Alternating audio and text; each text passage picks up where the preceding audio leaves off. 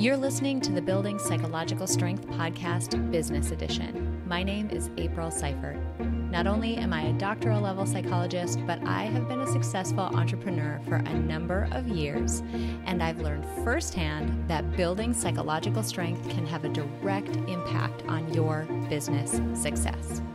In this Friday edition of the podcast, I'll offer you tools, tips, tricks, and information to help you become stronger, more resilient, successful. Let's get to it. Harlan Cleveland said, Leaders are problem solvers by talent and temperament and by choice. Welcome back. If you're catching this episode, know that it is part two of a two part series focused on the psychology of sales.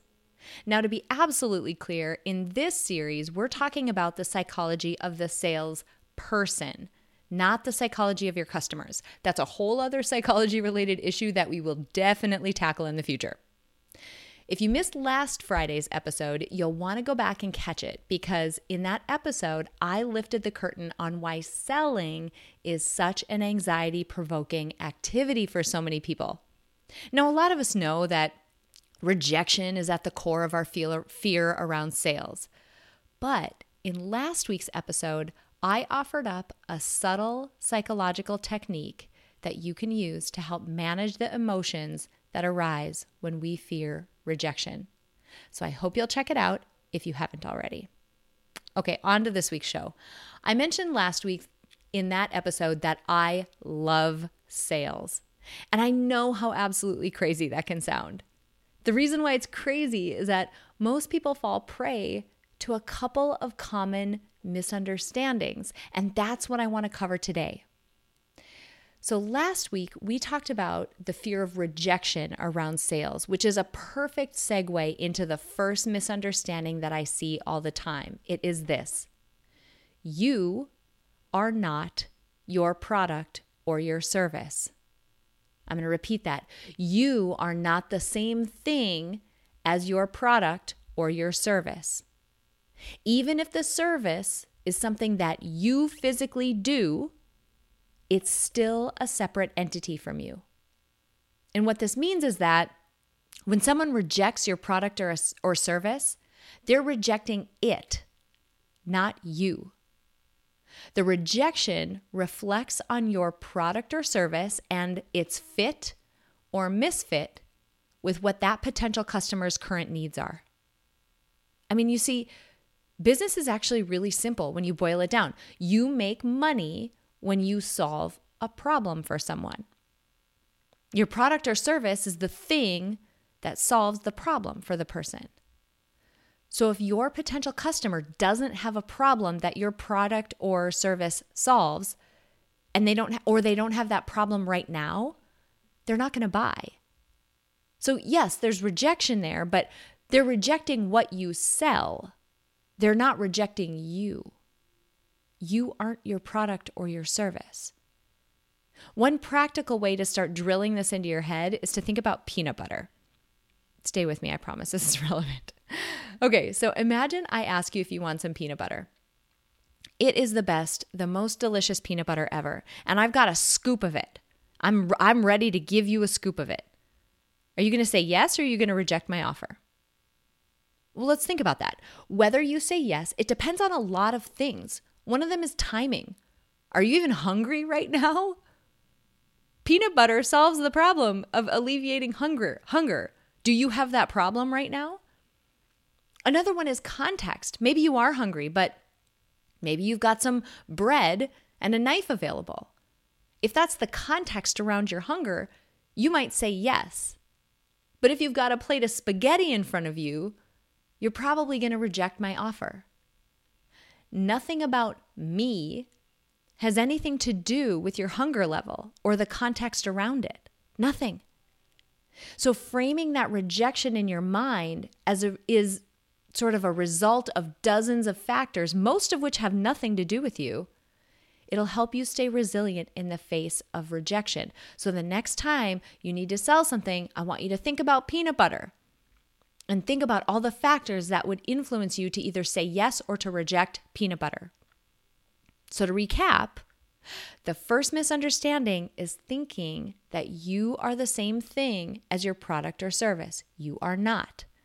They're rejecting it, they're not rejecting you. There's nothing to fear here. The next is a misunderstanding about your role and what you're actually doing when you're selling. Sales, unfortunately, gets this sleazy reputation, and it comes from a very common place.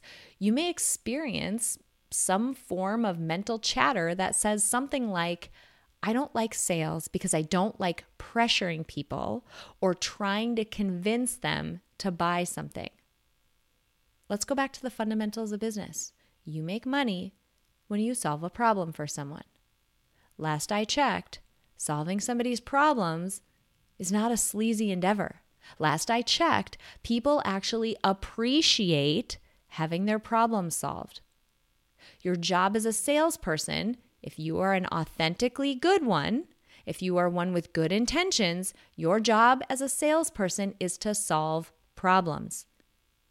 It's to determine whether a potential customer has a problem that your product or service solves, and then show them that your product or service solves that problem. That's the sales process. That's it. So, going back to my peanut butter example, that salesperson could simply ask the person if they're hungry as a first step in the process.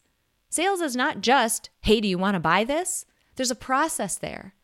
Pre qualifying that person to determine that they do, in fact, have the problem that you solve can reduce the chance of a rejection later. And P.S., go back to misunderstanding number one. Even if you get a rejection, it's okay, it's not about you. Once you've pre qualified that person, your job is to simply demonstrate that your product or service is one way they can solve that problem. It's one way they can eliminate hunger.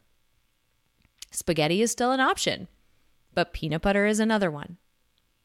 So, to recap, the second misunderstanding is that you're not pressuring or convincing anyone of anything. You're finding out if they have a problem and you're helping them solve it. Simple as that. Now, the last thing I want to talk about is why all of this happens. You know, we're getting to psychology. You're listening to the Building Psych Strength podcast. So, obviously, I'm going to talk about the psychological reasons for these misunderstandings. And in this case, there's one core reason it's ego. We're wired to think about ourselves. We hear our own thoughts. We live in our own minds. We are painfully aware of our own inner psychological landscape. And for most of us, it's a pretty noisy place. It's a pretty distracting place. We're so used to being caught up in our own psychological world that it's difficult for us to be present in the moment, let alone practice the extreme empathy that it takes to take the pers- the the position of another person.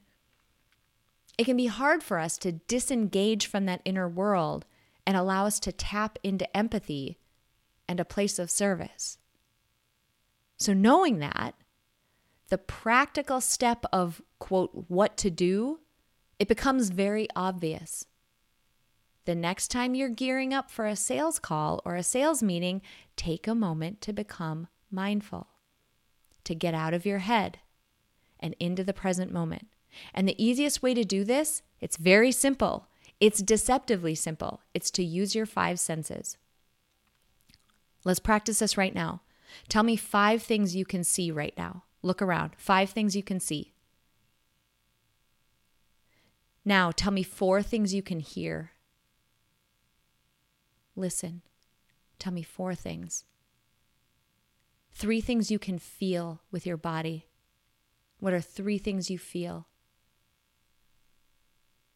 What are two things you can smell? How about one thing you can taste? Pay attention to the details of the present moment. Then, once you've done that, put yourself in the shoes of your sales prospect. prospect. What do they struggle with? What do they need? How can you help them? How does your product or service help them solve a problem? Moving forward, get your mind right. before stepping into a sales conversation. You're there to serve and to solve a problem. That position of service and problem solving is why I love sales. I'm there to serve and I'm there to solve problems. Adopt that mindset. Thank you so much for joining me for this business edition of the Building Psych Strength podcast. If you're an entrepreneur, current or aspiring, and you're interested in becoming more successful, hit the subscribe button. And if you're really interested in digging in deep, visit aprilseifert.com where you can fill out an application to see if Psych Strength Business Success Coaching is right for you. Until next week, be strong, be resilient, and be successful.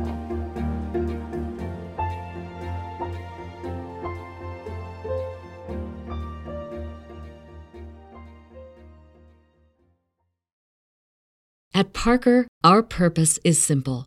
We want to make the world a better place by working more efficiently, by using more sustainable practices, by developing better technologies. We keep moving forward.